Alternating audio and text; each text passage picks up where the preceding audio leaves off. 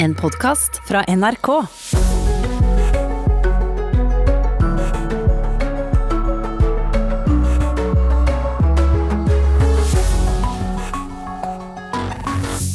God morgen, dette er Nyhetsmorgen. Noen sykehjem har vært hardt ramma av koronaviruset, og det har gjort pårørende redde for å bruke avlastningsplasser. Men det er jo nettopp sykehjemmene som har følt covid-19-viruset på kroppen, der det er tryggest, sier en kommuneoverlege. Nav får flere tips enn før om firmaer som jukser med utbetalinger. Arbeidsministeren sier det sånn. Og det er klart at i en krise som vi er inne i nå, så kan faren eller fristelsen for de useriøse aktørene til å utnytte systemet bli større. Døgnåpne lokalbutikker. Kanskje det er måten å få butikker rundt omkring på små steder til å overleve året rundt. Det er jo det at vi kan eh, gjøre så mange andre ting samtidig. Jeg trenger ikke sitte her og passe på kassa, for jeg vet at kundene greier seg sjøl. Ja, og her blir vi fram til eh, klokka ti. Uga Farmarello og Hilde Nilsson Ridola. Mange pårørende er engstelige for å sende familiemedlem på opphold på et sykehjem som har hatt dødsfall som følge av koronavirussmitte, eller bare mye smitte. Dette kan føre til at både eldre og pårørende går glipp av en sårt tiltrengt avlastning, sier kommuneoverlege i Kristiansand, Dagfinn Haarr. Vi er veldig bekymret fordi de pårørende kanskje sliter seg ut, og da kan det hende at vedkommende pasient må ha langtidsplass på sykehjem tidligere enn man ellers ville ha måttet. Og det er verken pårørende, kommunen eller pasienten selv tjent med i mange av tilfellene. Det var Dagfinn Haarr, og vi hører mer om eh, situasjonen på norske sykehjem etter klokken syv her i Nyhetsmorgen. Mange har de siste månedene søkt om eh, dagpenger fordi de er permittert pga. koronakrisa. Men det er noen som jukser. Mest gjelder det bedrifter, sier direktør i Nav kontroll, Ole Johan Heir. Det er jo et uh, høyt uh, tipsantall uh, i forhold til hva vi har erfart tidligere. særlig at den største mengden av dette er, gjelder virksomheter. Det er en ny erfaring for oss. Konkluderer Nav med at det er gjort feilutbetalinger, vil de kreve pengene tilbake. Har mottakeren åpenbart skyld i dette sjøl, må de også betale rente på utbetalingen. I de alvorligste tilfellene så kan vi også anmelde eh, disse til politiet, eh, også for videre oppfølging av påtalemyndigheten og, og i domstolene. Arbeids- og sosialminister Torbjørn Røe Isaksen sier at det er vanskelig å vurdere tipsmengden, med tanke på at koronakrisen har gitt rekordtall for ledige og permitterte. Hvis du sammenligner dette med, med, det høye antall permitterte og ledige, så er det kanskje ikke så mye høyere enn en vanlig. Og det viser vel muligens at uh, de fleste arbeidsgivere og arbeidstakere i Norge er jo skikkelige folk. De fleste saker Nav kontroll undersøker er basert på tall fra ulike register, ikke tips. Heier opplyser at de ikke har tall å dele på hvor mange mistenkelige saker de har herifra. Samtidig er det vanskelig for Nav kontroll å fange opp alle tilfellene hvor det jukses.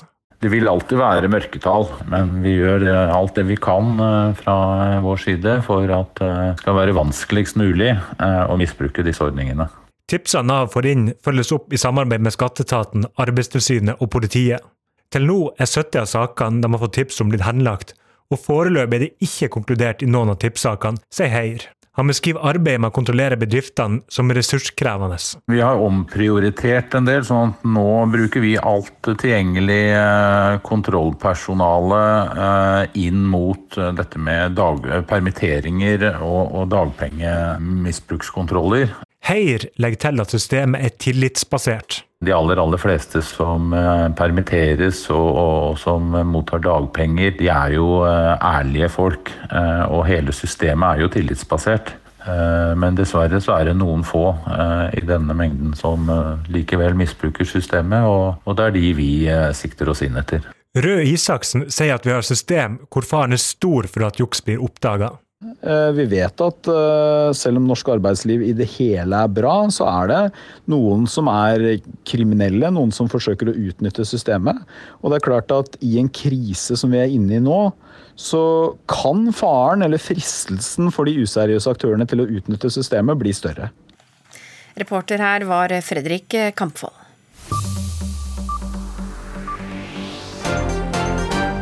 Og dette har skjedd i natt. USAs president Donald Trump sier han tar malariamedisin for å unngå symptomer om han skulle bli smittet av koronaviruset. Han sier han har eh, tatt medisinen daglig i halvannen uke, og videre at han har testet seg for covid-19 hver dag, og at han ikke er syk.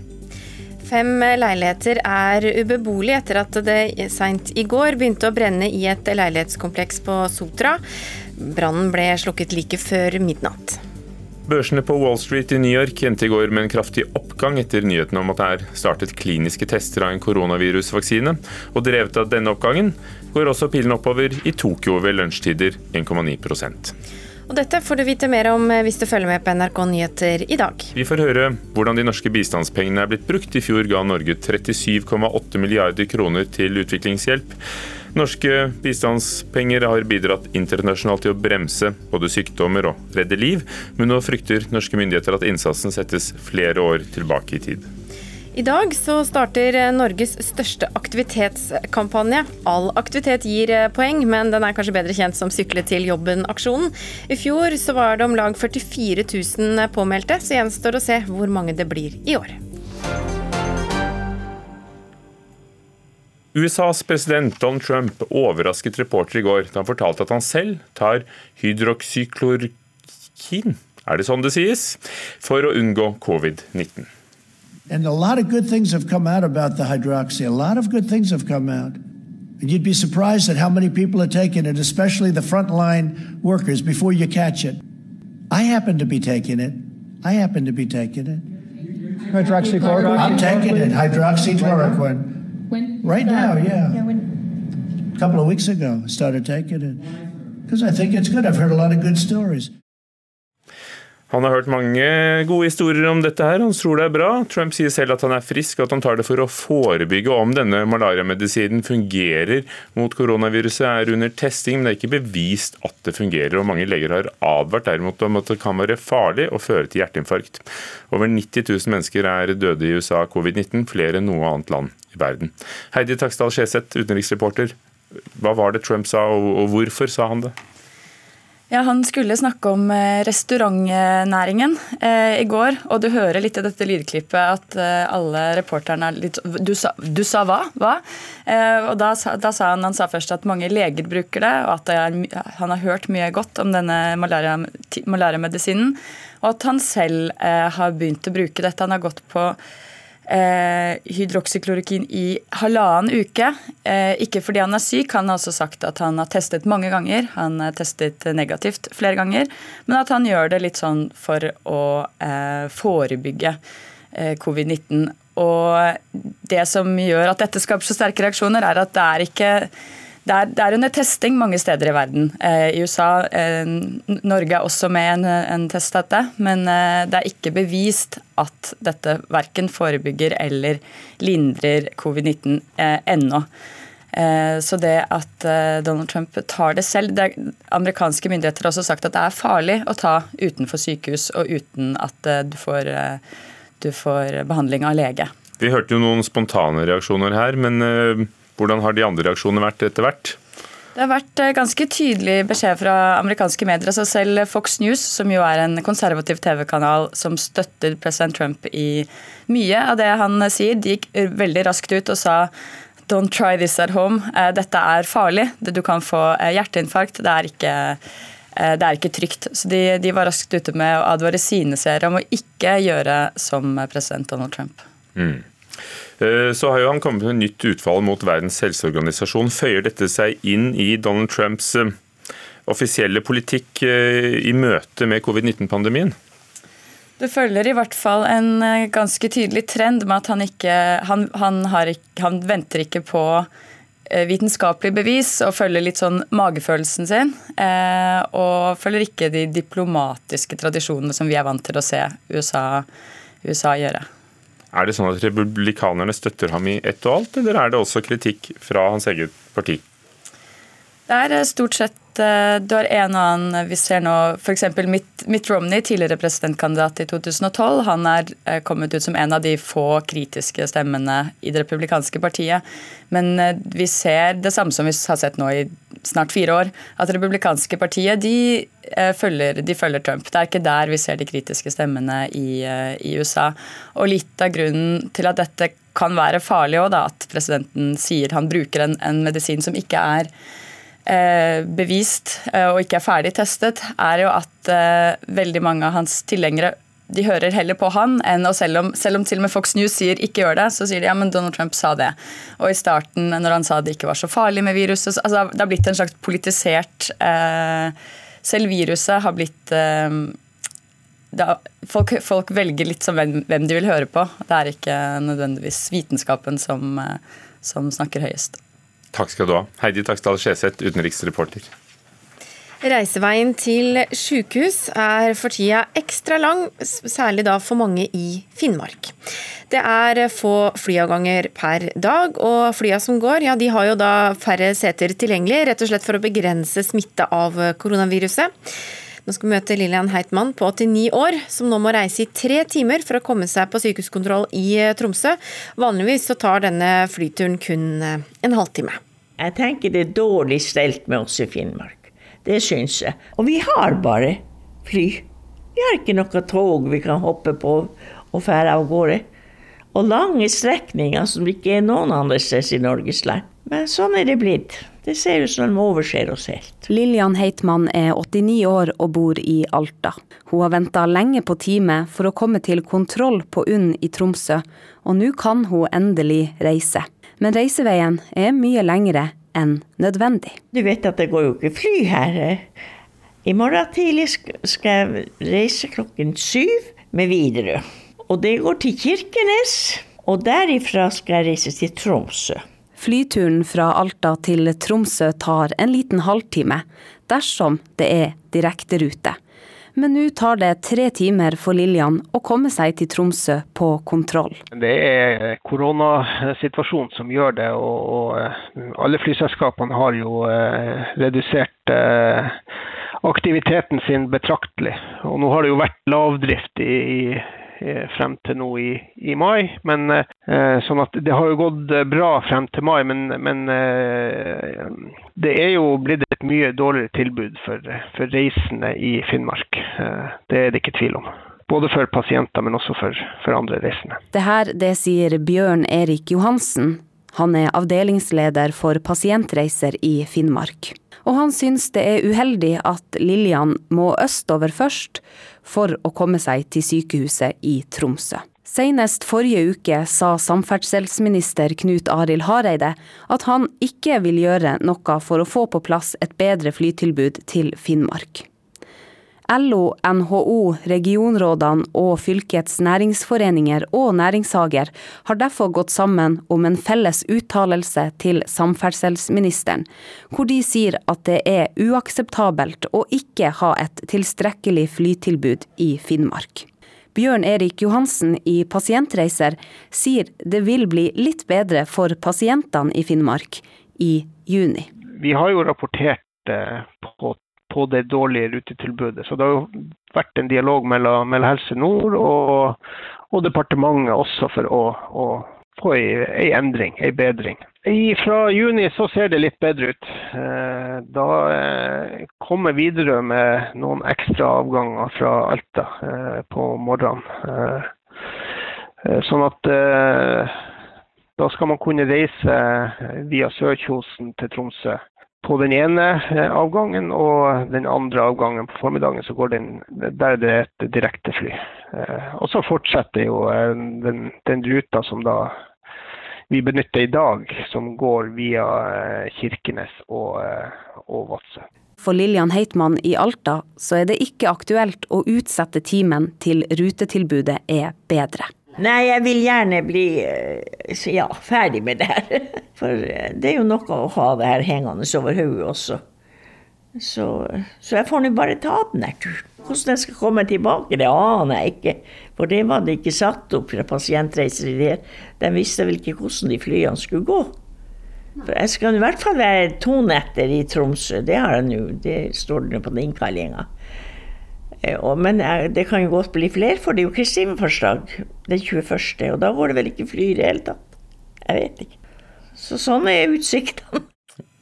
Ja, Det sa Lillian Heitmann i Alta, reporter Anniken Pedersen.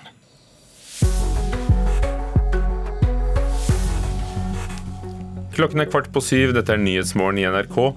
Pårørende er engstelige for å bruke avlastningsplasser på sykehjem som har hatt dødsfall pga. koronavirus.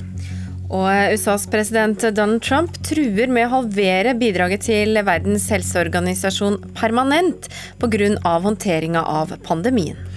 Norske bistandsmidler har bidratt til å bremse sykdom og redde liv over hele kloden, men Koronaviruspandemien truer med å sette innsatsen flere år tilbake. I dag kommer årsregnskapet for Norsk utviklingshjelp, og Norad-sjefen, Bård Vegar Solhjell er det, han kommer hit ganske snart.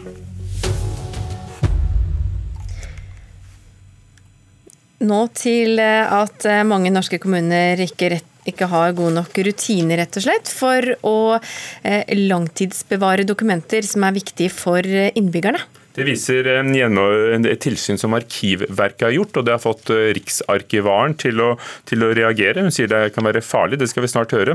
For dette betyr jo at eh, dokumenter som kan være viktige for å få trygd eller en erstatning f.eks., kan bli borte. Monica Østbø sitter og skriver på dataen sin i leiligheten sin i Oslo. Ved siden av henne ligger ei hvit mappe med store, svarte bokstaver på. En mappe hun mener mangler essensiell dokumentasjon, og som har skapt store problemer for henne. Dette handler om to ting. Det er de økonomiske konsekvensene for meg, og det er personvernet. Ifølge hun har Sola kommune rota bort viktig papir om livet hennes, noe som har ført til at hun ikke får de utbetalingene fra myndighetene som hun mener hun har krav på. Det føles litt som man står mot en stor kjempe som på en måte ikke bryr seg. Og ikke tar hensyn til dine følelser og din situasjon og din opplevelse. Sola kommune sier til NRK at grunnen til at de ikke finner igjen papirene til Monica Østbø, er fordi de tidligere hadde arkiver på ulike steder. De siste åra har de jobba med å samle dem, men med så kort frist har de ikke mulighet til å forklare hva som skjedde med dokumentene hennes. Hun er mest sannsynlig ikke den eneste som opplever å ikke finne igjen papir om seg sjøl. Etter ei tilsynsrunde i fjor fant Arkivverket ut at 38 av 47 kommuner ikke klarer å ta vare på dokument om innbyggerne sine, dokumentasjon som kan være avgjørende for å søke om trygd, erstatning eller annen hjelp en trenger sier riksarkivar Inga Bolstad. Det kan f.eks. være at du har eh, ja, blitt mobbet når du gikk på, på barneskolen f.eks. Og det har gått utover eh, deg i det, i det seinere livet. Og du trenger å finne tilbake hva var det som skjedde. Fordi eh, du skal kanskje gå til eh, erstatnings, du skal gå til søksmål. Og da er dataene om deg borte. Anne Mette Dørum, spesialrådgiver i kommunesektorens organisasjon, er klar over problematikken, men mener at omfanget ikke er så ille som Arkivverket skal ha det til.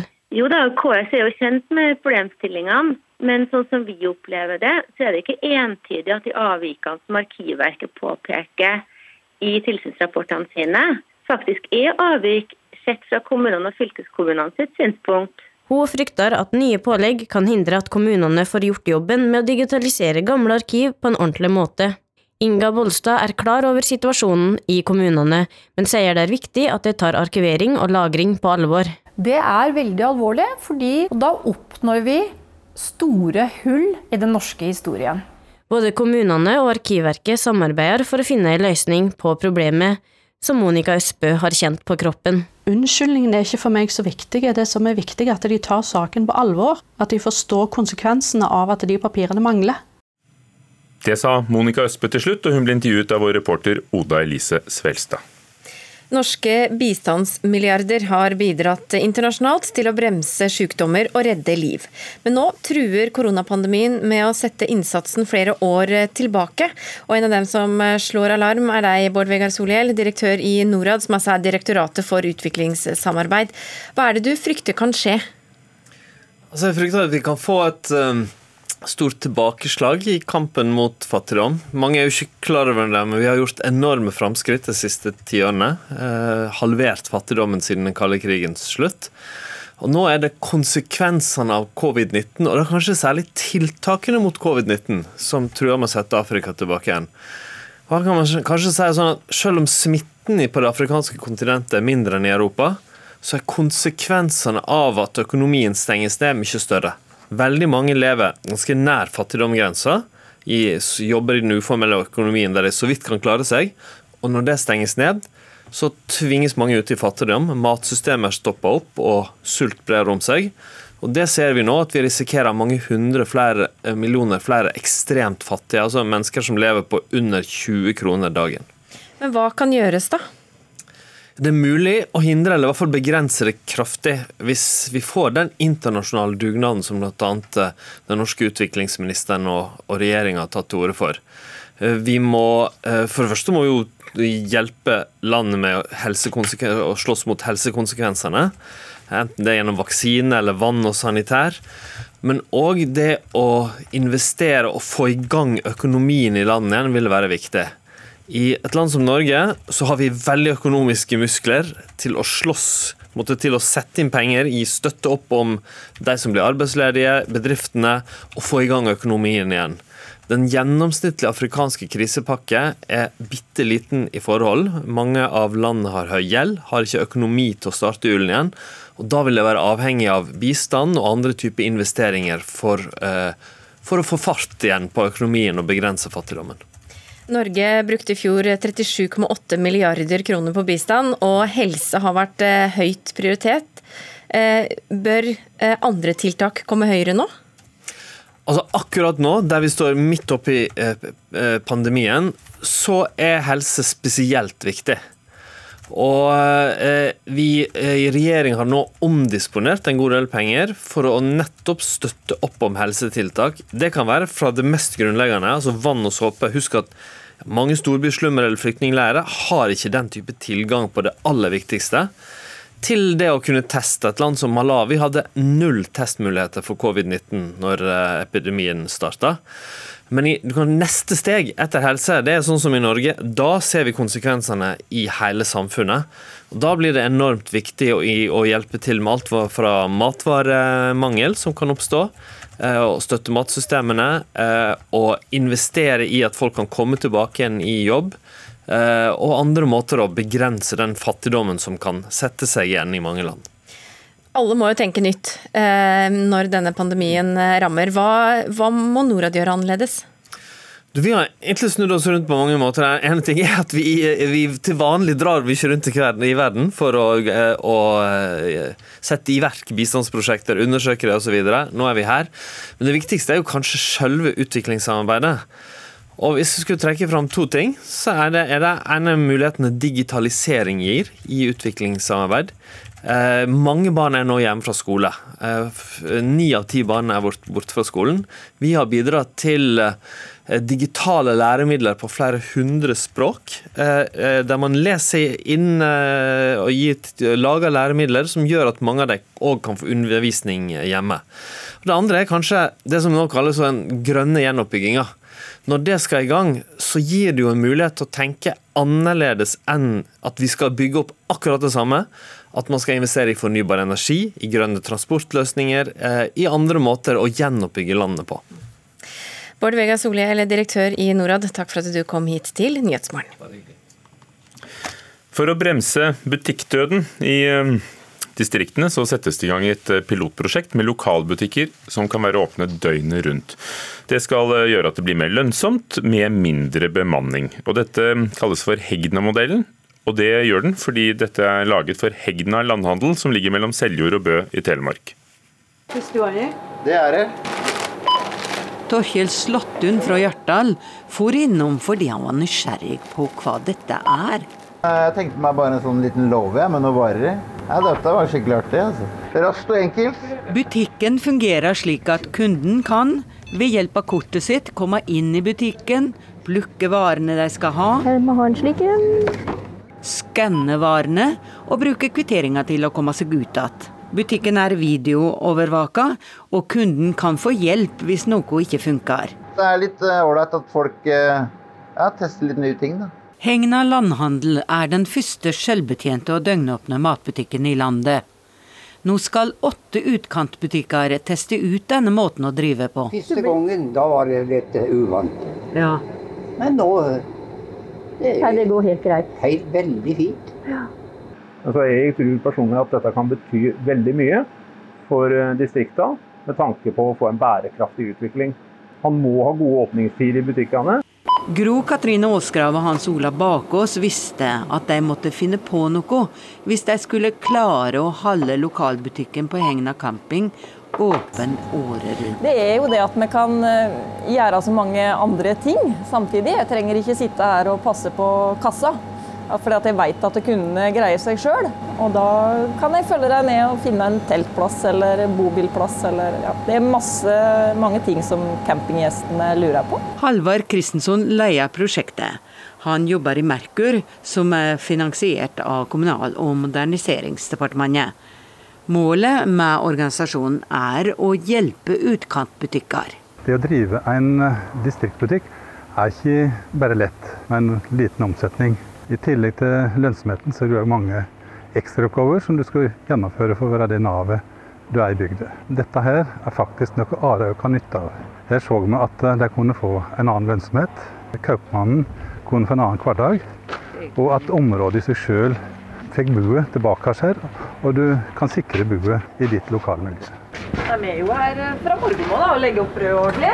Så vi tror at det kan senke kostnadene ved å drive en butikk, samtidig som de kan utvide åpningstidene sine ganske mye. Enkle døgnet rundt, som eksempelvis denne butikken.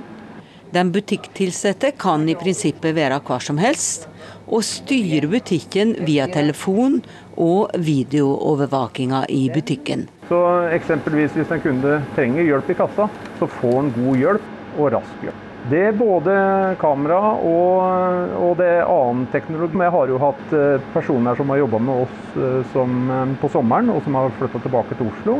Og da har de vært og jobba i butikken fra Oslo. Så det er mange styringssystemer som følger at alt er OK i butikken. Dette handler jo om både sikkerhet for kundene og sikkerhet for noen som driver butikken. Så her er mange forskjellige ting som varsler. Eksempelvis hvis den er inne i ølskapet, så vet den som passer i butikken at det er folk i ølskapet. Er det folk andre plasser i butikken her, så kan vi hele tida se hvis de trenger hjelp. Veldig ålreit. Folk er jo stort sett ærlige, så jeg tror det går greit. Yes. Yes, så det bra. Ha det.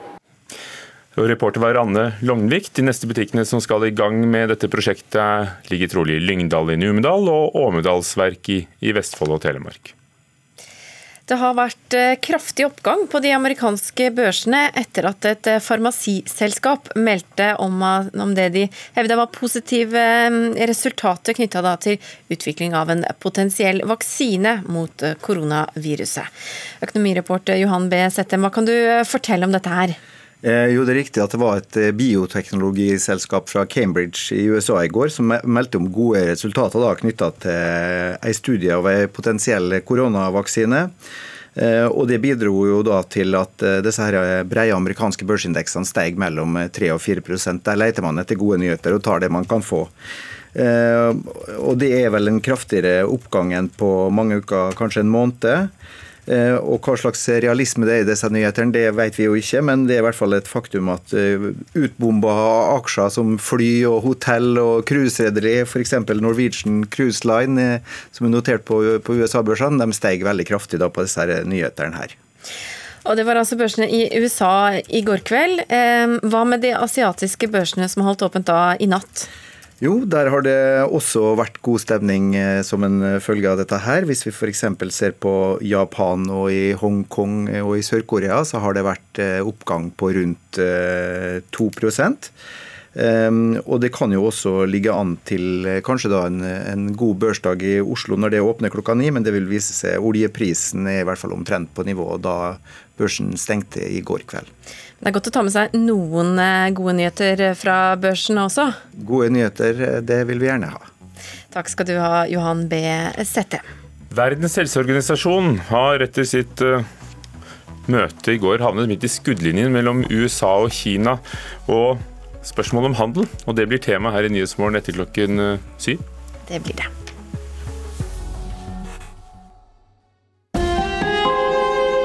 Hør ekko. Er du arbeidsledig? Permittert? Hvordan takle det? Og hvordan få jobb igjen? Spør Ekko. Skriv til ekko.krøllalfa.nrk.no. Ekko klokka 10 til 12 i NRK P2.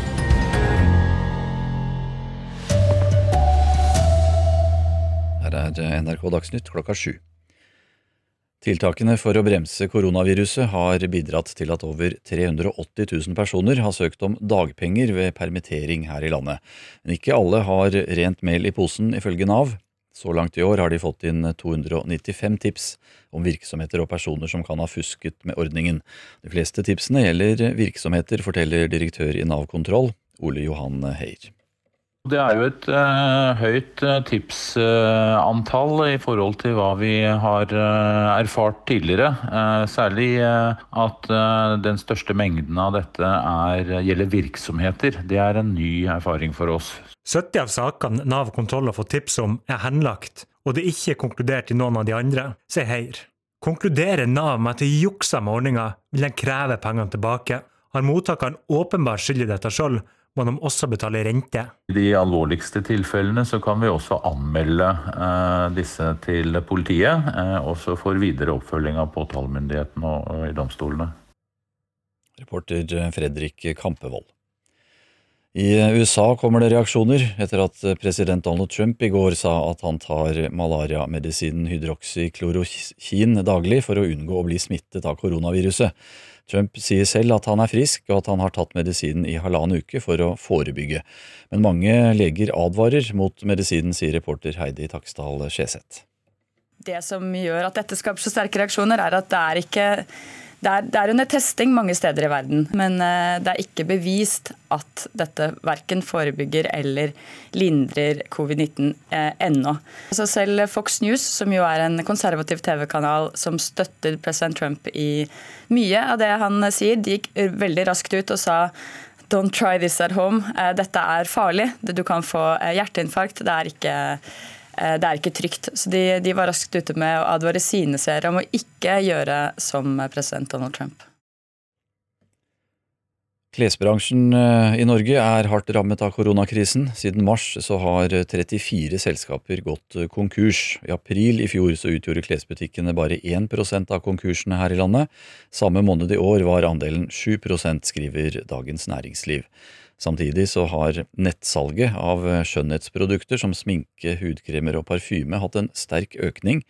Veksten er på 63% i løpet av koronaperioden, viser statistikk fra betalingsleverandøren Klarna.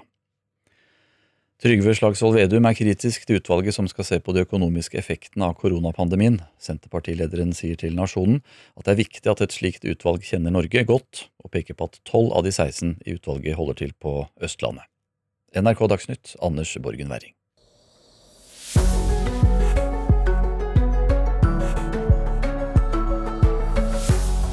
Nyhetsmorgen frem til klokken ti i NRK P2 Alltid nyheter og på NRK1. Pårørende er redde for å bruke avlastningsplasser på sykehjem som har hatt dødsfall pga. koronavirussmitte. Fortsatt gjelder anbefalinga om hjemmekontor for den som kan. Er det virkelig nødvendig? Kina hever tollen på australsk bygg til 80% og kjøtt, etter at Australia har gått i spissen for en granskning av koronavirusutbruddet. Og Donald Trump truer med å kutte bidraget til Verdens helseorganisasjon til det halve for alltid. Sånn får koronaviruspandemien konsekvenser for verdenssamfunnet. Mange pårørende er altså Engstelige viser det seg for å sende familiemedlemmer på opphold på sykehjem, avlastning ofte, der det har vært dødsfall som følge av covid-19-sykdom. Dette kan gjøre at både eldre og pårørende går glipp av avlastning. Dette sier kommuneoverlege Dagfinn Haarr i Kristiansand. Det er jo ofte folk som er veldig skrøpelige. Det kan være folk med en demenssykdom, men også med alvorlig eh, fysisk sykdom. Mange av dem som har dødd av korona i Norge, er blitt smitta på sykehjem. Også i Kristiansand er bakgrunnen alvorlig, sier kommuneoverlegen. Vi fikk jo eh, koronasmitte på tre av sykehjemmene våre, og særlig på det ene, Stener Heierdal eh, omsorgssenter, der var det altså da over ti smittede og fem dødsfall før vi fikk kontroll på dette. Nå vegrer en del pårørende seg for å sende sine kjære til avlastning på sykehjem, selv om de sårt trenger det. Vi er veldig bekymret fordi de pårørende kanskje sliter seg ut, og da kan det hende at vedkommende pasient må ha langtidsplass på sykehjem tidligere enn man ellers ville ha måttet. Og det er verken pårørende, kommunen eller pasienten selv tjent med i mange av tilfellene. Også byene Bergen og Trondheim, som har hatt koronadødsfall på flere sykehjem, merker at pårørende er blitt litt mer tilbakeholdne med å sende sine eldre dit, særlig på korttidsopphold. I Drammen merka kommunen det tidlig, sier virksomhetsleder Toril Løberg. Ja, vi merka forholdsvis tidlig i pandemien, med en gang pandemien ble, altså det ble erklært pandemi, at det ble en helt merkbar lavere etterspørsel etter avlastningsopphold. Det skyldes ikke bare at kommunen hadde bedt noen om å utsette oppholdet fordi de trengte kapasiteten i reserve. Da er det også mange pårørende som gir uttrykk for at de eh, også ønsker å følge F, altså Folkehelseinstituttets oppfordring om å holde seg hjemme, og at det er tryggest hjemme. Og at man har ønska å utsette korttidsoppholdet av den grunn. Noen syns også det var vanskelig å sende sine kjære på sykehjem uten å få lov til å besøke dem. I Kristiansand mener kommuneoverlege Dagfinn Haarr at sykehjemmene har lært mye om smittevern, og at på det sykehjemmet som var hardest rammet av koronaen, har det ikke vært smitte siden i mars. Er det noe sted i Kristiansand det er trygt å sende sine kjære, så er det jo på Stener Heyerdahl som har gjennomgått dette og virkelig er blitt gode på alt som heter smittevern. Ja, hvilke rutiner er det som er annerledes nå enn tidligere? Ja, nei, Det er for det første en omhyggelig testing av alle nye pasienter. Det begynte vi med nettopp nå. Vi har tidligere hatt dem i en slags karantene, men det var jo ikke heldig for pasientene, som skal ha et sosialt fellesskap. Så nå, forsøker, nå tester vi alle nyankomne, og vi får jo svar umiddelbart omtrent, slik at vi da veit at de i hvert fall ikke bringer smitte inn.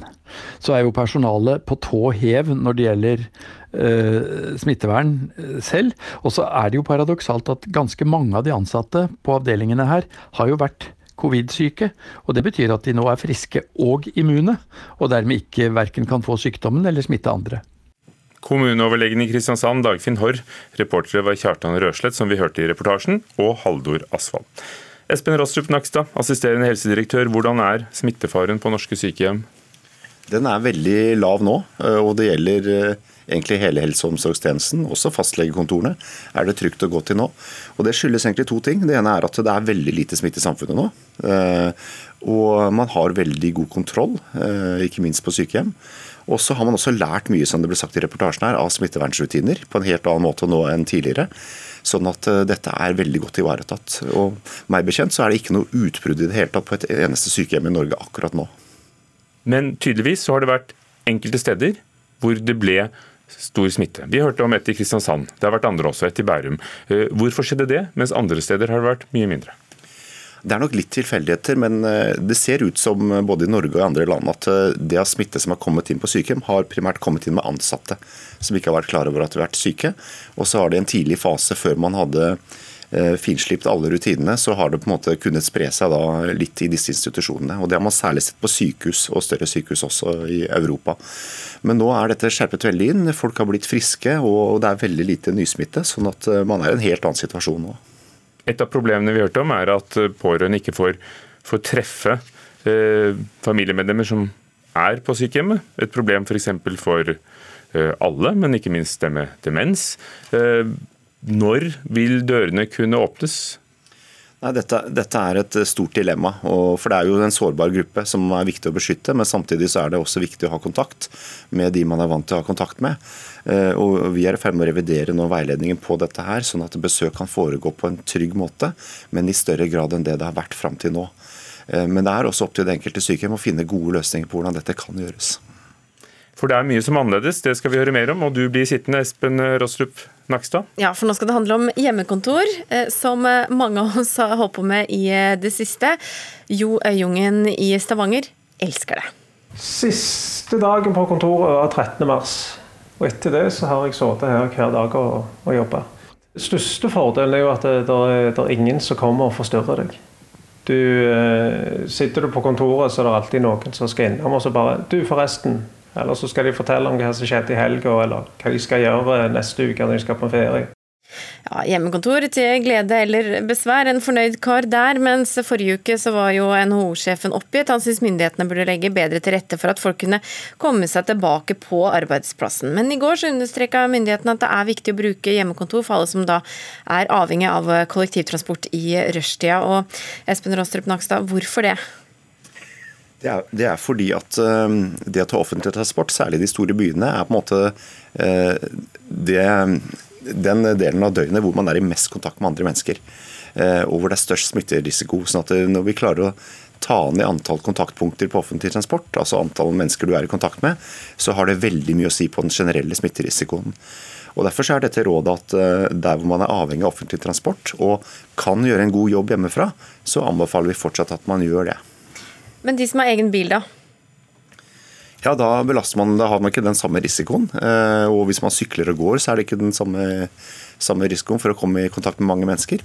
Så det er mulig å gjøre. Og dette med hjemmekontor er primært der hvor det er mange ansatte som tar offentlig transport, at vi fortsatt ønsker at man, man bruker det.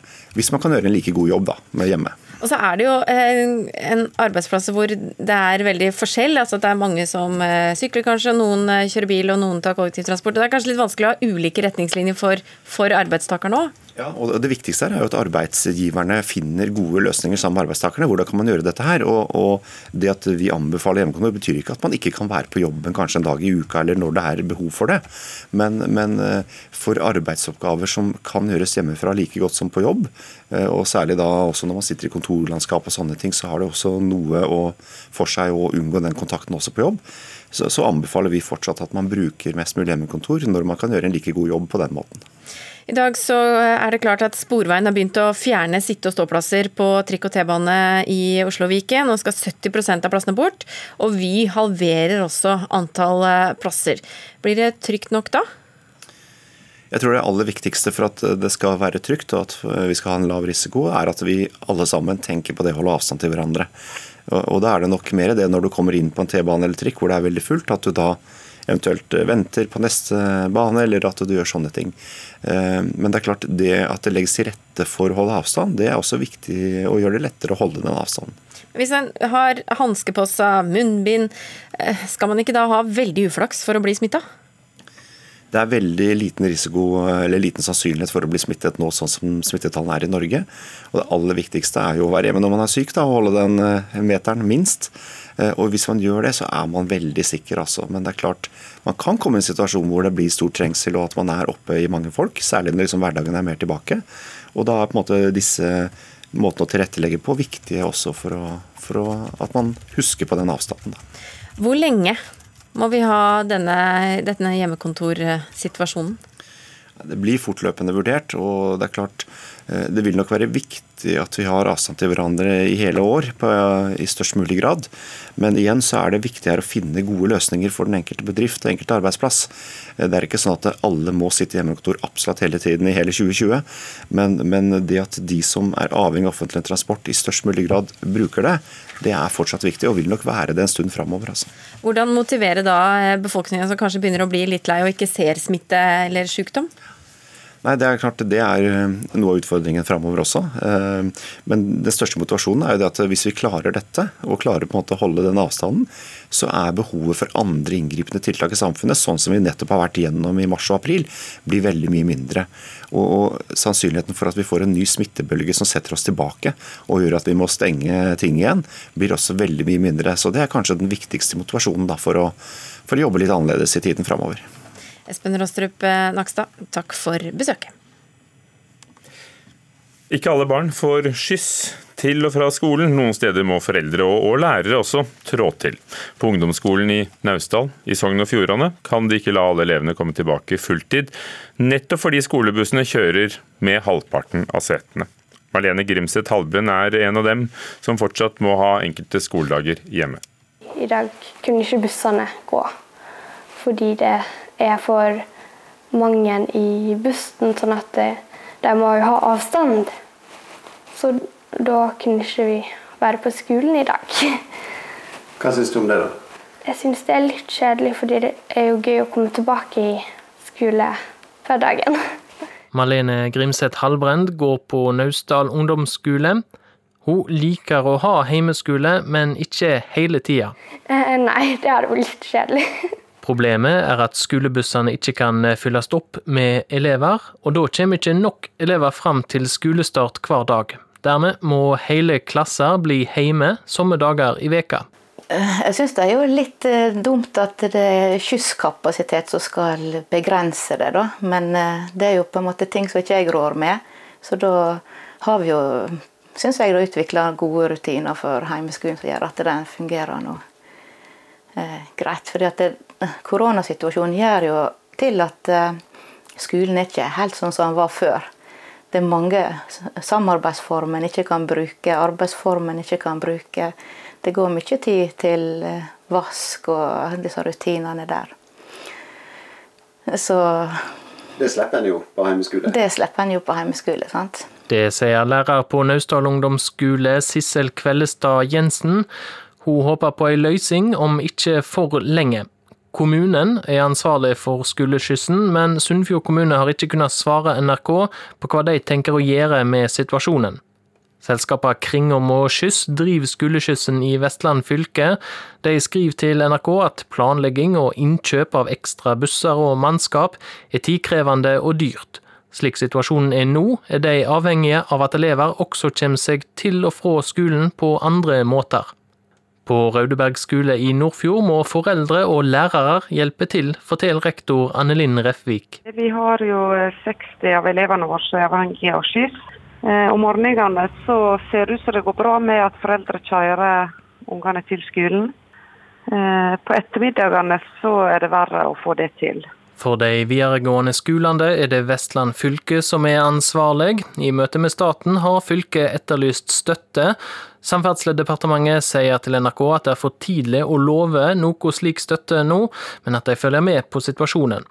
I Naustdal synes rektor Gunn-Marit Haugsbø at det er dumt at de ikke kan få tilbake alle elevene. Ja, Det synes jeg er litt frustrerende, fordi vi har plass til noen flere. Eh, og det, vi har brukt ganske mye tid og krefter på å telle opp elever, hvor mange som kan komme seg trygt til skolen på de ulike rutene. Og det er jo ikke sånn at det er likt fordelt på hvert trinn. Jeg tenker det at eh, Selve situasjonen er jo en eh, utrolig læringssituasjon òg. Vi kunne ikke lese oss til hva som skjer i et samfunn som blir utsatt for t.d. korona. Så det er mye lær, læring i selve situasjonen. Men vi prøver å, eh, å, sørge for at vi vektlegger det viktigste. Vi skreddersyr litt til elevene, sånn at, eh, at de får vist seg fra sin beste side. Naustdal i Sogn og Fjordane og ungdomsskolen der. Reportere var Olav Elskram, Alexander Åsnes og Raimond Lidahl, som vi hørte i reportasjen. Dette er eh, Nyhetsmorgen. Kutt i flytilbudet rammer pasientreiser i Finnmark. Turer som vanligvis tar en halvtime, kan nå ta tre timer. Børsene går opp. På Wall Street i New York endte det med en kraftig oppgang i går etter nyheten om at det er eh, startet klinisk utprøving av en koronavirusvaksine. I Tokyo har Nikkei-indeksen steget med 1,9% ved lunsjtider i dag. Pårørende er redde for å bruke avlastningsplasser på sykehjem som har hatt eh, koronadødsfall, men det er trygt, sa helsedirekt, assisterende helsedirektør Nakstad i stad. Bjørn Myklebust, programleder i Politisk kvarter om en halvtime. I dag skulle regjeringen kommet med en avklaring på om Norge skal hente barn fra Moria-leiren i Hellas. Kommer avklaringen? Nei. Og det viser kanskje hvor vanskelig denne saken er. Venstre og Kristelig Folkeparti kjemper i regjering for at Norge skal bli med andre land på å ta imot barn fra grusomme forhold i Hellas. Det er vel alle enige om. Men Høyre sier nei. De mener at dette kan få flere til å legge ut på en farlig ferd til Europa. Og der står saka. Ehm, KrF sier at de vil kjempe til siste slutt for å få gjennomslag. Og siste slutt, det er om en drøy uke. Da skal det voteres om dette i Stortinget. Vi spør Høyre om sjansen for å bli enige på denne uka. Kvart på åtte. I Nyhetsmorgen. I går så møttes utsendinger fra de 194 medlemslandene i Verdens helseorganisasjon til organisasjonens 73. årsmøte. Og ikke uventa så var det da koronaviruset som sto øverst på agendaen. EU sammen med Storbritannia, New Zealand og Australia har bedt om en undersøkelse rundt da opphavet til og håndteringen av koronapandemien. Og WHO har stått da i en skvis mellom stormaktene USA og Kina i forbindelse med pandemien pandemien, bl.a. Eh, fordi eh, USAs eh, president Donald Trump syns organisasjonen har vært ettergivende overfor Kina. Hør her. Uh, very sad job in the last period of time. And again, the United States uh, pays them $450 million a year. China pays them $38 million a year. And they're a puppet of China. Ja, og USA-korrespondent eh, Anders Magnus, hvis vi tar et eh, skritt tilbake. Hva var grunnlaget for kritikken fra Trump for, for noen uker siden?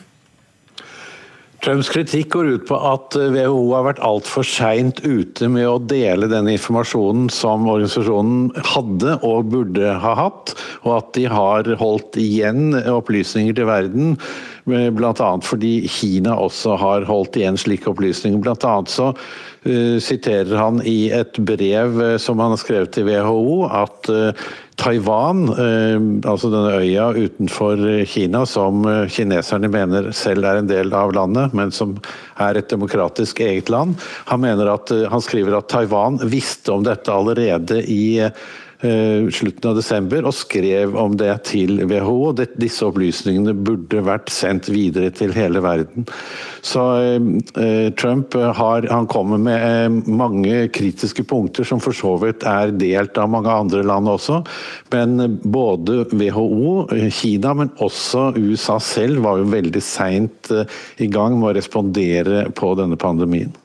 Og så var ikke USA nå blant da disse landene som ba om undersøkelse av eh, viruset på, eh, på dette årsmøtet, men, men, de er fortsatt tilhengere av av et slikt initiativ? Ja, eh, i går sa USAs helseminister at de ønsker en slik uavhengig gransking av WHOs rolle. Og den blir veldig kritisk, fordi USA har nå krevet betydelige endringer i måten WHO fungerer på, og at de også er mer uavhengige av Kina. Hvis ikke det skjer i løpet av 30 dager, så vil USA permanent fryse eh, sine eh, bevilgninger. Altså de vil ikke gi noen bevilgninger til WHO fremover heller. Og de vurderer også å trekke seg helt ut av verdensorganisasjonen. Og Det kan få veldig store konsekvenser, fordi eh, USA betaler ikke bare disse over 400 millioner dollar som eh, Trump nevnte her. De betaler også veldig mye til andre, eh, f.eks. vaksineprogram som WHO støtter over hele verden. Så det kan få store økonomiske konsekvenser for helsearbeidet over hele verden hvis USA trekker seg ut av organisasjonen. Men hva er målet til Trump med alle disse angrepene mot Kina? Målet er én eh, å eh, rette søkelyset mot at Kina ikke har vært åpent, og at dette har faktisk eh, skadet hele verden, inklusive USA. Og så har han jo også bakenforliggende motiver om at for å dekke over den eh, svake responsen USA og han selv hadde i starten av pandemien i USA. Vi skal huske på at i starten av pandemien så roste han jo Kina for landets åpenhet. Nå har han eh, trukket dette tilbake og angriper Kina. Men det er også et annet større bilde her. Fordi eh, Trump og republikanerne bruker nå også angrepene mot Kina som et grunnlag for eh, presidentvalgkampanjen, og mener at eh, demokratenes kandidat Joe Biden er for svak i forhold til Kina. Og dette kommer nok vi til å se mye mer av, at eh, republikanerne og Trump angriper Kina, mens de også angriper Biden fordi han har et for tett og for et vennskapelig forhold til kineserne. Takk skal du ha, USA-korrespondent Anders Magnus, og vi fortsetter med, med temaet Hugo. Henning Kristoffersen, du er spesialrådgiver i The Governance Group. Dere mm, driver med geopolitisk analyse, og du har jobbet i og med Kina i mange år. Tror du at Kina vil tillate uavhengige undersøkelser av virusutbruddet, som er mm, det temaet som var betent i går?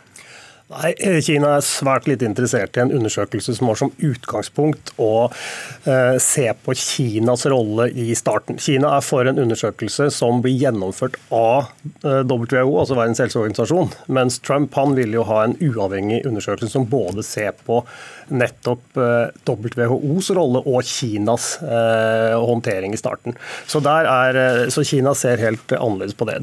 For Kina er det viktig å starte en sånn undersøkelse etter at vi er ferdig med pandemien, og det er viktig at WHO gjennomfører den, og at det er en undersøkelse som gjelder alle lands håndtering. Og da er Kina et av de landene. Det er, det er Kinas posisjon. Så selv om det ikke er offisielt, er det vel eh, naturlig å tro at når Kina da har eh, begrenset importen av australsk kjøtt og satt opp tolltariffen til 80% på australsk bygg, altså kornet, eh, så er det fordi det var Australia som tok initiativ sammen med 120 land og EU til en sånn undersøkelse. Ja, Kina ser det jo da naturlig nok eh, ikke på den, eh, på den måten.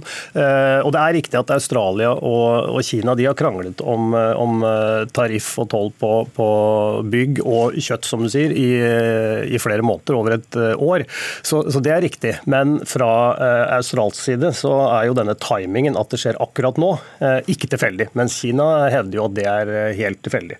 Og det er jo, Vi har jo sett Kina komme raskere på raskere raskere og raskere på banen nå med eh, økonomisk straff til eh, La oss oversette den økonomiske kraften de har, til eh, politisk å straffe de som ikke da forholder seg til det som Kina mener er riktig. Så, så, men det er, som sagt, for Beijing så er dette bare en tilfeldighet at den, disse tariffene kommer nå omtrent som eh, straffetoll på norsk laks? Ja, det var jo eh, Ja, det, var det. For oss så er det naturlig å sammenligne med det. Vi, det var jo aldri sånn at den straffetollen som kineserne satte på laks da vi var seks år i en eh, hadde en isfront med Kina pga. Eh, fredsprisen, så var det jo aldri sånn at straffetollen på laks ble knyttet til det.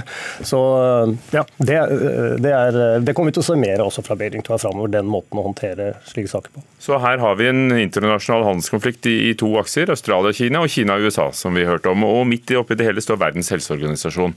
Hvordan havnet de der?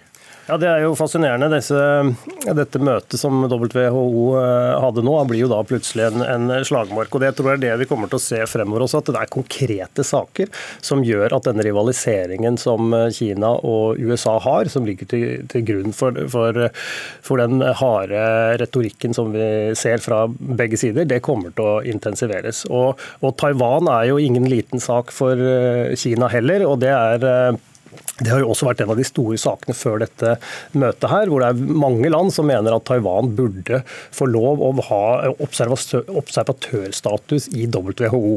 Ehm, for, som det selvstendige landet Taiwan mener at det er? Eh, ja, nå mener eh, den presidenten som Tsai Ing-wen, som er president på Taiwan nå, hun kjører jo en uavhengighetslinje.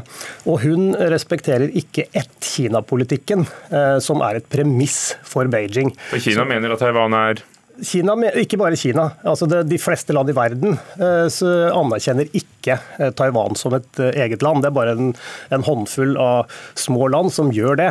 Så, så her er eh, Hovedpoenget er jo at den, under den forrige taiwanske presidenten så fikk Taiwan lov til å ha observatørstatus i WHO av Beijing. Fordi at eh, den presidenten var eh, Beijing-vennlig og respekterte ett Kina-politikken. Og Da var det greit at Taiwan fikk observatørstatus. Men i 2016, da den nåværende lederen for Taiwan, Tsai Ing-wen, ble valgt, som ikke respekterer Kina-politikken til Beijing, da er det uaktuelt for Beijing å tillate at Taiwan får denne type posisjoner, om det er observatørstatus eller fullt medlemskap i internasjonale institusjoner. Det er helt uaktuelt for, for Beijing. Ser du noen vei ut av konflikten her?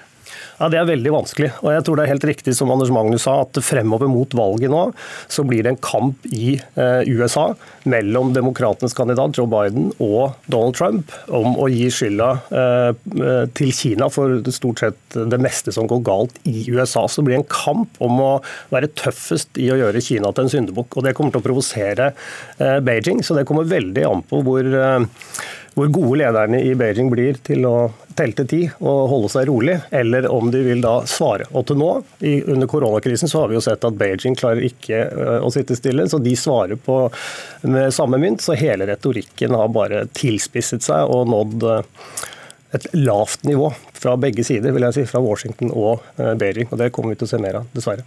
Takk. Henning Christoffersen i The Governance Group og Kina-kjenner, kan vi si. Og etter åtte her i Nyhetsmorgen så blir det mer om andre konsekvenser av koronapandemien. For FN og Den internasjonale organisasjonen for migrasjon har registrert en kraftig nedgang i antall migranter som tar seg inn i Europa og Midtøsten. De sitter nemlig fast i Afrika. Mer om det etter åtte.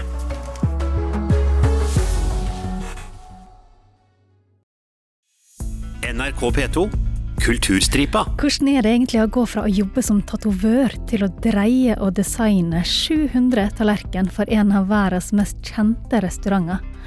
Dette får vi svar på når keramiker og kunstner Anette Krogstad kommer til Kulturstripa.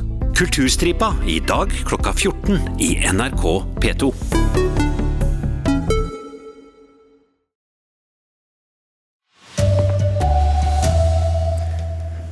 Pårørende er redde for å sende sine kjære til sykehjem som har hatt koronadødsfall. Donald Trump tar malariamedisin for å unngå å bli smittet av koronaviruset. Mange er permittert og har søkt om dagpenger pga. koronakrisen, men ikke alle har rent mel i posen, ifølge Nav. Her er NRK Dagsnytt, klokka er 7.30. Ja, mange pårørende er eh, engstelige for å sende sine kjære på opphold på sykehjem som har hatt eh, koronadødsfall. Dette kan føre til at både eldre og deres pårørende går glipp av en sårt tiltrengt avlastning, sier eh, kommuneoverlege Dagfinn Haarr i Kristiansand. Det er jo ofte folk som er veldig skrøpelige. Det kan være folk med en demenssykdom, men også med alvorlig fysisk sykdom. Mange av dem som har dødd av korona i Norge, er blitt smitta på sykehjem. Også i Kristiansand er bakgrunnen alvorlig, sier kommuneoverlegen.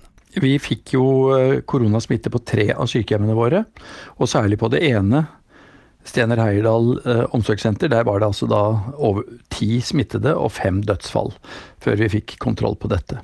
Nå vegrer en del pårørende seg for å sende sine kjære til avlastning på sykehjem, selv om de sårt trenger det. Vi er veldig bekymret fordi de pårørende kanskje sliter seg ut. Også byene Bergen og Trondheim, som har hatt koronadødsfall på flere sykehjem, merker at pårørende er blitt litt mer tilbakeholdne med å sende sine eldre dit, særlig på korttidsopphold.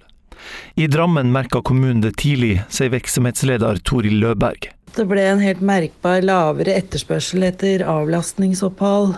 Noen syns også det var vanskelig å sende sine kjære på sykehjem uten å få lov til å besøke dem. De eh, også ønsker å følge F, altså Folkehelseinstituttets oppfordring om å holde seg hjemme, og at det er tryggest hjemme. Og at man har ønska å utsette korttidsopphold av den grunn.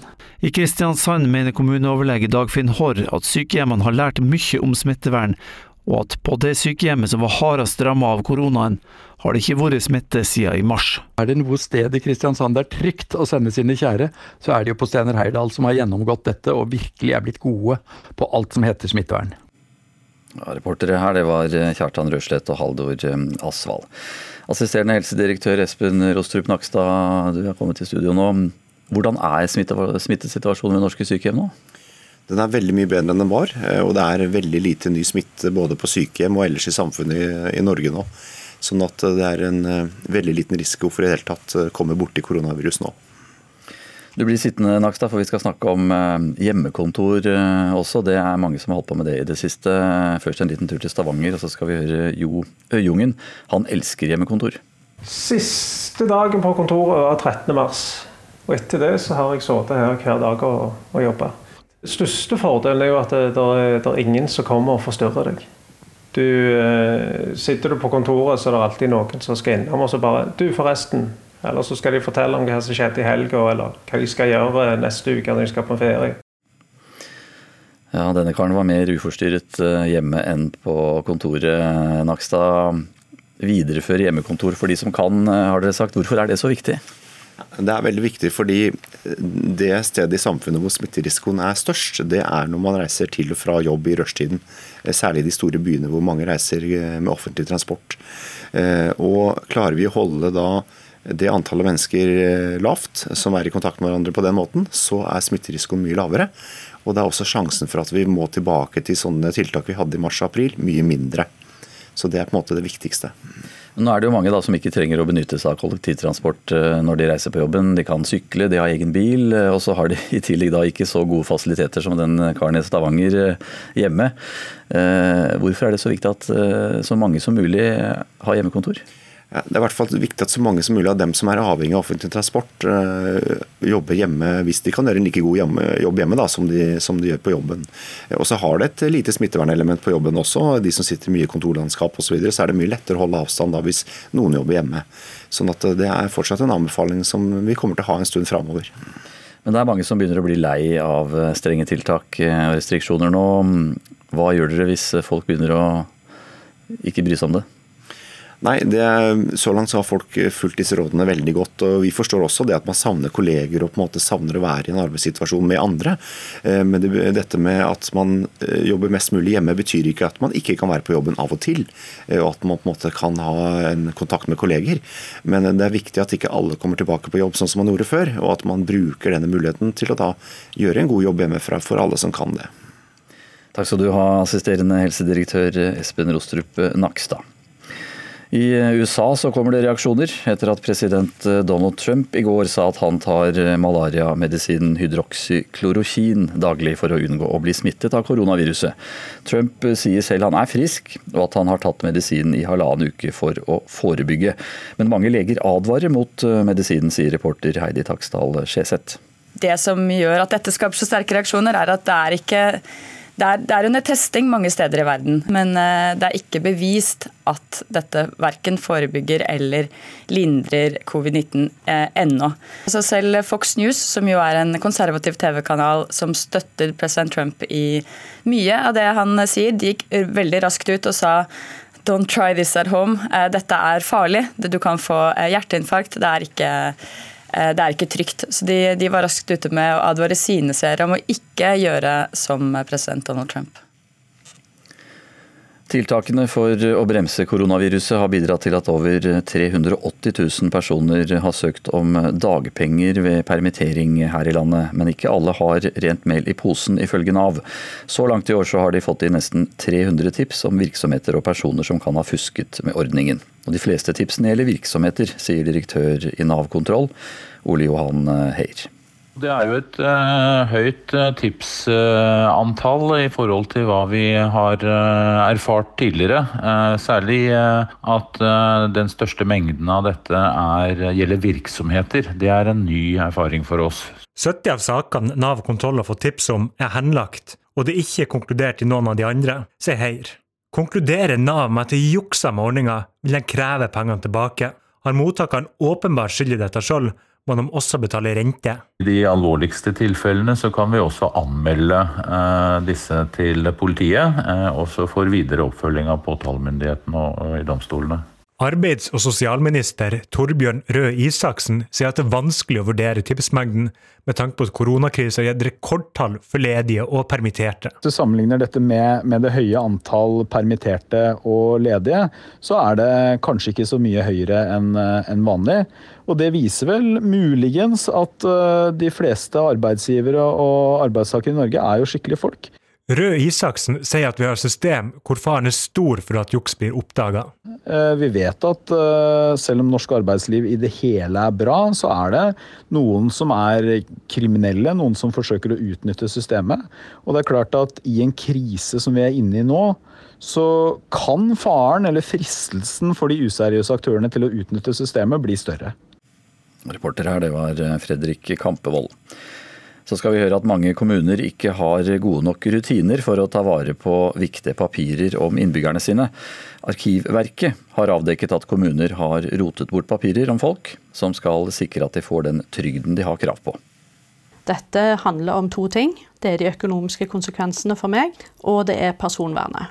Ifølge Monica Østbø har Sola kommune rotet bort viktig papir om livet hennes, noe som har ført til at hun ikke får de utbetalingene fra myndighetene som hun mener hun har krav på. Unnskyldningen er ikke for meg så viktig. Det som er viktig, er at de tar saken på alvor.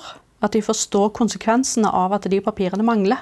Sola kommune svarer til NRK at i perioden det er snakk om, var arkivtjenesten i kommunen delt mellom flere etat. Siden 2014 har de jobba med å samle alle tjenester knytta til arkivering, men med så kort frist klarer de ikke å forklare hva som skjedde med dokumenter som omhandler Monica Østbø. Hun er mest sannsynlig ikke den eneste som opplever å ikke finne igjen papir om seg sjøl. Etter en tilsynsrunde i fjor fant Arkivverket ut at 38 av 47 kommuner ikke klarer å ta vare på dokumentasjon om innbyggerne sine, som kan være avgjørende for å få trygd, erstatning eller den hjelpen de trenger, sier riksarkivar Inga Bolstad. Hvis du som innbygger ikke kan dokumentere dine rettigheter fordi kommunen har eh, rota bort dokumentasjonen om deg, så kan man i det verste tilfellet risikere å bli urettferdig behandlet. Anne Mette Dørum, spesialrådgiver i kommunesektorens organisasjon, er klar over problematikken, men mener at omfanget ikke er så ille som Arkivverket skal ha det til. Reporter eh, det var Oda Elise Svelstad. Anne Skårseth har ansvaret for eh, NRK Dagsnytt i dag. Jeg heter eh, Anders eh, Borgen Werring. Nå fortsetter Nyhetsmorgen i P2, og så blir det frokostradio i P1 pluss.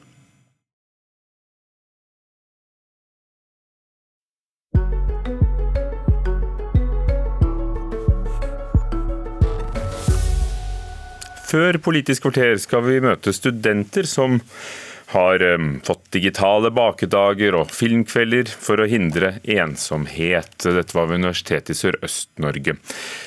Studiestedene er jo stengt, og studentene måtte plutselig sitte hjemme og bli undervist og få eksamen på internett. Nå skal universitetene i Bergen undersøke hvordan studenter og andre unge voksne mestrer koronaviruspandemien. Sosiologistudent Guri Rebekka Nilsen synes det er tyngre å være hjemmestudent, og savner å møte både studenter og forelesere. Jeg syns det har vært veldig ensomt. Det er hardt å sitte alene hjemme. Det at Du får ikke møtt foreleserne dine, du får ikke møtt medstudentene dine og vennene dine på samme måte som du gjorde før korona. Hun er nestleder i studentdemokratiet ved studiestedet Bakkenteigen i Horten. Universitetet var før koronakrisen opptatt av å hindre ensomhet.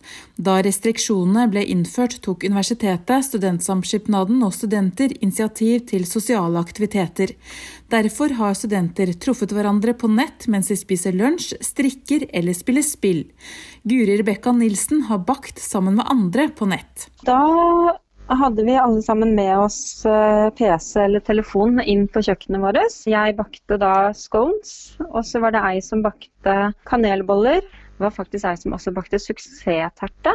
Det var veldig hyggelig. Studenter har også hatt vinkvelder og filmkvelder på nett. Rundt 50 personer møtte opp på quiz, ifølge påtroppende hovedtillitsvalgt for studentene, Caroline Lie ved Universitetet i Sørøst-Norge. Hennes inntrykk er at en del studenter føler seg ensomme som nettstudenter, men at det kan variere fra dag til dag. Samtidig er studenter kreative i å arrangere ulike aktiviteter på nett, noe hun også oppfordrer til. For Da kan man eh, nå flere, og mange av studentene våre eh, har nå reist hjem av de som eh, har flyttet hit for å studere. sånn at vi oppfordrer utgangspunktet til det digitale. Men også kunne ha fysiske møter innenfor de restriksjonene som har vært. Da. Helse Bergen og Universitetet i Bergen undersøker nå hvordan hverdagen og den mentale helsa til studenter og andre over 18 år påvirkes av koronakrisa. Så langt har 20 000 personer svart på spørsmål, deriblant studenter ved Universitetet i Sørøst-Norge. Professor og psykologispesialist Gerd Kvale har vært med på å utarbeide undersøkelsen Bry deg 2020. Vi ønsker å vite noe mer om hvordan denne nye hverdagen har påvirket både mestring og psykiske lidelser. Og vi vet egentlig ganske lite vite om hvordan dette arter seg både på kort sikt og i lengre perspektiv. Svarene skal være klare i løpet av første halvdel av juni. Caroline Lie sier de skal bruke svarene i undersøkelsen videre. Nå vet vi jo at vi mest sannsynlig går inn i hvert fall et delvis Eh, digitalt neste semester. Og da må vi bruke alle de erfaringene vi har nå til å jobbe videre. Studentprest Pernille Astrup på Universitetet i Sørøst-Norge sier det ikke er mye som skal til for å føle seg ensom når du blir isolert og når rutiner og små treffpunkter i hverdagen forsvinner. Så jeg tror det er så viktig å senke terskelen så mye som mulig for å ta kontakt med, med, hvem som helst. Og at det å gå ut, røre på kroppen, det å bare få litt kontakt på en telefonsamtale, det er også med å bevege disse her tankemønstrene våre og de stivnete følelsene. Selv om det ikke har vært mange til stede, men vi har i hvert fall hatt et tilbud for de som har trengt det. Og det tenker jeg har vært viktig å ha. Det sa Guri Rebekka Nilsen ved Universitetet i Sørøst-Norge, som nå leser til eksamen, altså, som skal være på nett. Og reporter var Hege Therese Holto.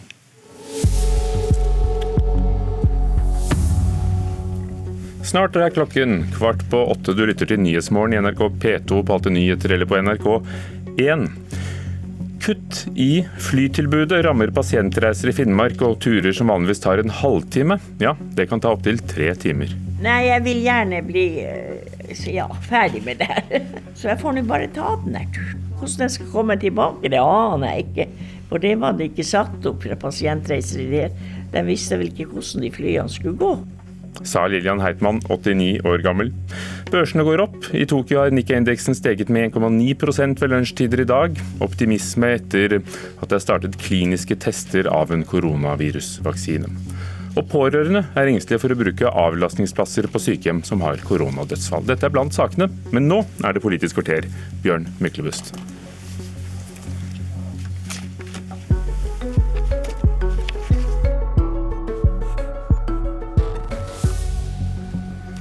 Skal Norge ta imot barn fra Moria? Regjeringen klarer fortsatt ikke svare på det spørsmålet. KrF og Venstre sier ja, men Store Høyre sier nei. Kan de to små lete etter flertall andre steder, samarbeide med venstresiden og samtidig fortsette i regjering? Moria er en overfylt flyktningleir i Hellas med elendige forhold og mange barn. Skal europeiske land hente ut barn fra Moria nå, eller vil det bare gjøre at flere legger ut på en farlig reise til Europa? Der står debatten. Og I dag skulle vi egentlig få svar på om regjeringen sier ja eller nei til at Norge skal ta imot barn fra Hellas. Ove Trellevik, innvandringspolitisk talsmann i Høyre, velkommen til Politisk kvarter. Takk for det. Hvorfor har dere ikke klart å bli enige? Nei, Det er fordi at dette er en uh, veldig krevende sak. Uh, og Sist Norge deltok i relokalisering for Hellas, i 2015-2016, så var det bare to land uh, av EU som var med og forplikta seg. I tillegg til Norge og Liechtenstein og, et land til. Så Det gjør at vi ønsker en, bred felleseuropeisk løsning for de utfordringene som Hellas har. Og de flyktningleirene som Hellas har. De er jo blitt på en måte Europas eh, port til, eller porten til Europa for, for mange asylsøkere. Eh, så det er kanskje urimelig òg at eh, Hellas skal håndtere den store mengden alene.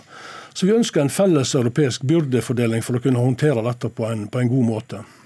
KrF de vil ikke stille her i dag, men sier de skal kjempe helt fram til saken skal avgjøres i stortingssalen neste uke. Og Tidligere har jo KrFs Hans Petter Grøvan sagt vi gir oss ikke før vi har fått gjennomslag. Hva er sjansen for at, blir, at, dere blir enige med KrF og Venstre før voteringen? Ja, Vi har jo diskutert det på saksbehandlernivå, eh, som jeg har vært med på. og Parlamentariske ledere har òg diskutert det. og Jeg vet ikke hvor stor uenighet det egentlig er, men, eh, men eh, det får noen andre vurdere. skulle jeg til å si, Men vi har iallfall ikke kommet i mål med å kunne ta imot noen i denne runden her. Du sier dere ikke er så uenige. Vil ikke Høyre ha en bred, varig løsning, og derfor sier dere nei mens KrF og Venstre sier at jo, vi må ta imot barn fra Moria nå, selv om vi ikke har en bred europeisk løsning. De vil jo ha en bred europeisk løsning, de òg. Så spørs det jo hvor i tid dette her ligger henne. Men vi har jo også eh, tatt... Men dere er uenige, det er det ikke noen tvil om? Ja, altså på kort sikt. Har, på kort sikt så har vi jo på en måte behandla mange hundre, 600-700 søkere fra Hellas, som egentlig skulle vært returnert til Hellas. Vi har tatt imot 19 eh, sårbare barn i denne perioden. her. Vi har 250 eh, stykker som egentlig skal returnere til Hellas og få sin asylsøknad behandla i Hellas. Så vi, vi, kan på en måte ikke ta imot Når vi har mange som egentlig skulle vært returnert til Hellas, så skal vi på en måte ta imot enda flere. Hjelper det barna i Moria? Det hjelper ikke barna i Moria at vi ikke klarer å løse en, dette på, på, et permanent grunnlag. Et sånn engangsløsning. Men det du nevnte nå om at vi, vi skal egentlig sende noen tilbake til Hellas. Ja. Hjelper det barna i Moria? Det kunne jo for så vidt vært det hvis dette Hellas hadde gått med på det. Så alt kan på Hva, måte hvordan hjelper det barna i Moria? Hvis vi hadde kunnet, eh, på en måte Hellas hadde tatt hånd om de, og vi hadde tatt hånd om sårbare barn, så hadde det eh, regnestykket sett annerledes ut. Dere presser, dere presser Hellas, altså en byttehandel, er det du foreslår? Nei, jeg foreslår at vi skal ha en brei europeisk løsning som står seg over tid. Sånne kortsiktige løsninger som dette fungerer ikke. Det fungerte ikke i 2016, det kom heller ikke til å fungere denne gangen her. Du, Hva skjer hvis KrF og Venstre ser at her finnes det et flertall på Stortinget hvis vi går til venstresida. Kan de gjøre det? Det kan de sikkert, det vet jeg ikke. Politikken er jo uh, veldig sånn at uh, Så det kan ikke jeg svare for. Men vi har plikt til å hjelpe, og jeg mener at vi skal hjelpe sårbare mennesker. Men det er utrolig viktig at vi òg diskuterer hvordan vi kan på en måte få dette til på en best mulig måte. Og Kortsiktige løsninger er aldri gode løsninger. Det skaper mer mennesker på flukt. Vi ønsker en brei europeisk løsning som står seg over tid. Du, Ti europeiske land har sagt ja til å ta imot rundt 1600 barn fra Moria. Regjeringen og Høyre ville vente med å ta en avgjørelse til det ble klart hvordan dette skulle gjøres. Dere har ventet på et møte om dette i EU, og den avklaringen har nå kommet. og I går sa du til Vårt Land at Høyre ikke kan godta måten dette gjennomføres på, bl.a. fordi landene som skal ta imot barna, selv ikke kan bestemme hvem som skal komme. Det er Hellas som skal plukke dem ut, hvis jeg har forstått det rett. Mm. Eh, hva slags krav er det da Norge ikke hadde kunnet stille, hvis vi skulle sagt ja til dette? Hva er det disse kriteriene stenger for? F.eks. at, at, de at, uh, at størst sannsynlighet hadde hatt et beskyttelsesbehov. Det er et krav vi ikke kan stille. Vi kan ikke stille krav om at de ikke skal ha hatt asylsøknaden sin tidligere behandla i Norge. Det kravet kan vi heller ikke stille. Eh, så det er en rekke sånne krav som vi ikke kan stille. Vi kan heller ikke påvirke sårbarhetskriteriene. Det... Har, har ikke enslige eller syke barn i Moria beskyttelsesbehov? Det kommer på hva du tenker på. Det er jo gjerne uh, behov for hjelp. Behov for hjelp, behov for å komme til Norge. Humanitær hjelp, men beskyttelsesbehov etter uh, asylretten er ikke sikkert de har behov for. Men de har behov for humanitær bistand for all del. Det er ikke det det handler om. Men om de har behov for beskyttelse i henhold til asylretten, er noe annet. Har de ikke behov for å bli henta ut av Hellas? Det kan godt være de har behov for å bli henta ut av Hellas, men det er ikke sikkert det er Norge som skal hente dem ut av Hellas. Du nevnte i går at man ikke f.eks. kunne stilt et krav om at Norge ville hatt jenter under 14 år? Er det en vesentlig innvending? Vi vet jo hvem som sitter i disse leirene, sånn statistisk sett. Eh, og Det er en eh, svært overrepresentasjon av eh, unge menn fra Afghanistan på 17 år. Og så er det ingen mellom 18 og 25 fra Afghanistan. Og Vi har tatt imot svært mange afghanske eh, mindreårige asylsøkere tidligere. Og, og, jeg tenker at Skulle det være en byrdefordeling, så kan andre hjelpe her òg, tenker jeg. Eh, dette handler egentlig ikke om at det er så veldig veldig mange fra Syria, barn fra Syria fra krigen der. Eh, dette er en, en stor eh, port si, med asylsøkere fra hele verden som ønsker seg inn til Europa. Men du ville Høyre sagt ja til 20 jenter under 14 år fra Moria? Det kan jeg ikke svare på. Det kan du vel, fordi du sier dere skal ha en bred europeisk løsning, så svaret er vel nei? Eh, svaret er at vi ønsker en bred europeisk løsning. og Så har vi jo selvsagt diskutert uh, ulike alternativer i prosessen, her, men det kan, det kan, jeg ikke kommentere. Men Du har sagt også at eh, senest i debatten vel, at hvis vi tar barn fra Moria, så inviterer vi folk til en farlig vei over Middelhavet. Så da ville vel Høyre sagt nei også til 20 jenter under 14 år fra Moria? Vi ønsker en løsning som ikke skaper nye mennesker på flukt. At du får en sånn pull-effekt, der du på en måte har en midlertidig løsning, og så skaper det nye mennesker som reiser på flukt. Det ønsker vi ikke. Men hvorfor krangler du på disse kriteriene da? De har jo ingenting med dette å gjøre? Jo, er, det er mange kriterier rundt dette. Men hvis, er, hvis Høyre er avhengig av en bred europeisk løsning med flertallet av de europeiske landene med, hva har disse kriteriene for disse ti landene som har rukket opp hånda å si da? Det, det, det, er to løsninger. Det er en bred europeisk løsning Som på, Høyre vil ha? Ja, på lang sikt. Eller, sant?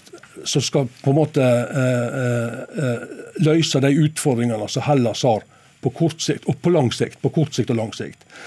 Det initiativet som er kommet nå, det er dessverre ikke for å støtte opp under det som skjer på lang sikt. Det er på kort sikt. Da nettopp, da sier Høyre nei uansett, da?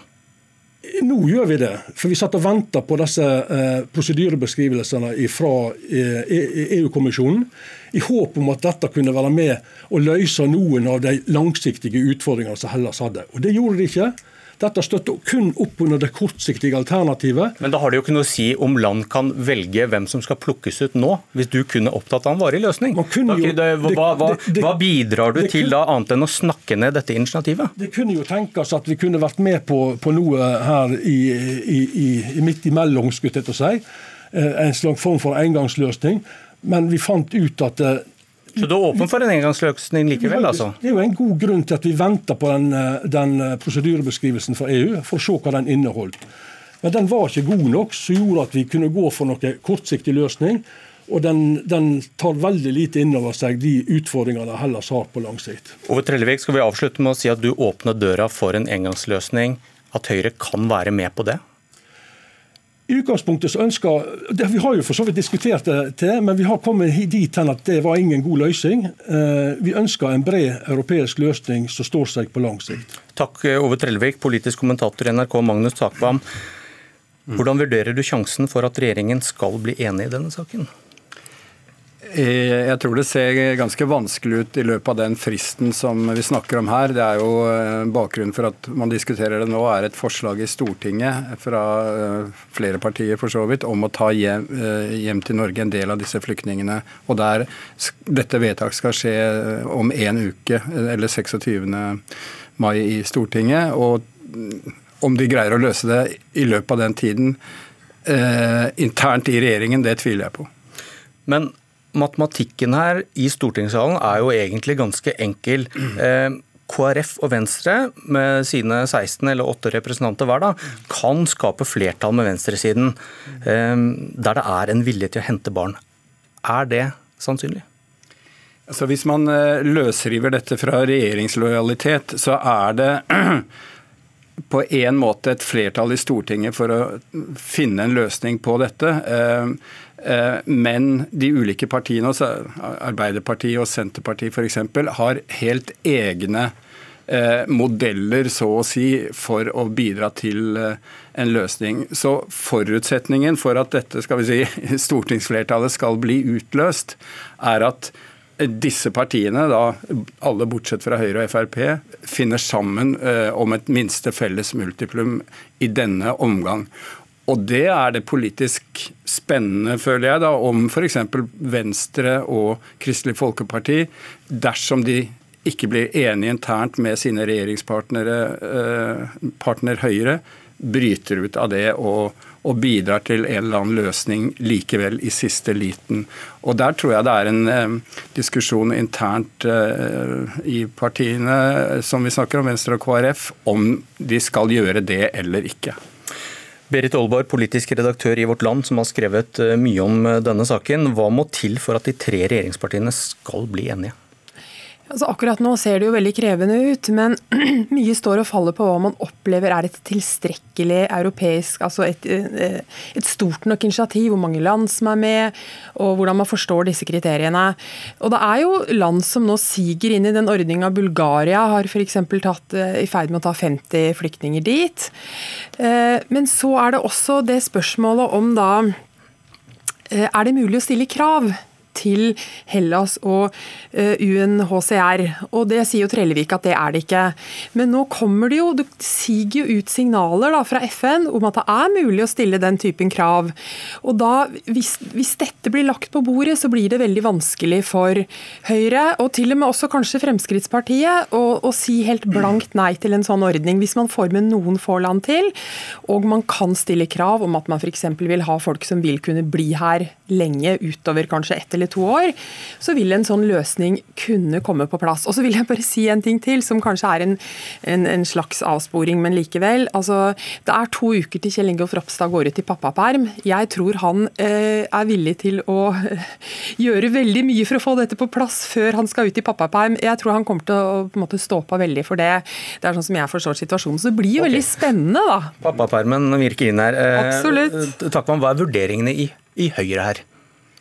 Jeg tror det er en viss diskusjon i, i Høyre også. Der er det også spenninger i dette spørsmålet. Men eh, i det store bildet så har jo vi lagt merke til i det siste at Høyre har markert en ganske skal vi si, klar eh, innvandringskritisk retning, bl.a. ved forslag om å redusere antall kvoteflyktninger osv. En del av forklaringen på det er å ikke åpne på en måte døra til, til for Frp og, og la de ha skal vi si, monopol på innvandringskritisk eh, holdning. Eh, det, det, som, det som Aalborg er inne på, er at dette handler jo også om politisk vilje. Jeg har også snakket med f.eks. FNs høykommissærs representanter i Europa om denne typen spørsmål som, som, dere diskuterte, om man har mulighet til å på en måte forsikre seg om at de som kommer til Norge har beskyttelsesbehov. Og de hevder i hvert fall at ja, de landene som tar hjem flyktninger, skal får en måte å screene de, de aktuelle uh, asylsøkerne på som er, er trygg etter deres mening. Men, men, formelt så står jo ikke det i disse dokumentene som, som han snakket om. Er, er, dette en sak som kan sprenge regjeringen? Dette er jo vondt og vanskelig i KrF og Venstre særlig, da? Ja, det er en, øh, jeg tror ikke det kommer til å sprenge regjeringen i denne runden, men det er klart at dette er en sak som det ligger potensielt veldig mye krutt i. Eh, både for KrF og Venstre, sånn at eh, man skal aldri si aldri. Men, men det er i hvert fall en veldig vanskelig sak for begge de to små partiene hvis regjeringa nå sier nei. Takk for analysen, Berit Oldborg og Magnus Takvam. Dette var Politisk kvarter. Jeg heter Bjørn Myklebust. Nå fortsetter Nyhetsmorgen.